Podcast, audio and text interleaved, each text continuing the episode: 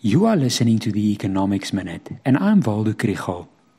Later today, Statistics South Africa releases the gross domestic product data for the fourth quarter of 2021.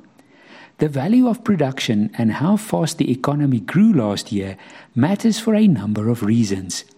We want to know if the economy has recovered from the setback of the COVID 19 pandemic and lockdown. All the important figures, such as the budget deficit and government debt, are expressed in terms of GDP. And it also says something about this year's growth momentum.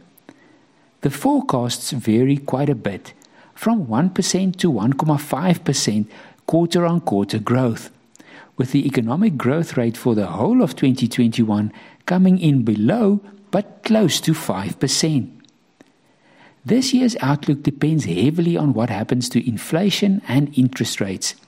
The high oil price does not bode well for the inflation outlook.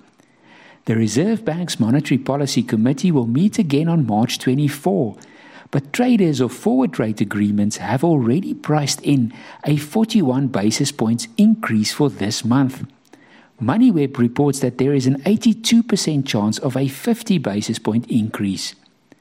Of course, we will also be watching what the US Fed is doing, and they have already indicated that their inflation did not turn out to be transitory and that they will have to raise interest rates by 0 to 0.25%. That's not by 0.25, it's up to 0.25. Let's keep our fingers crossed for that growth rate.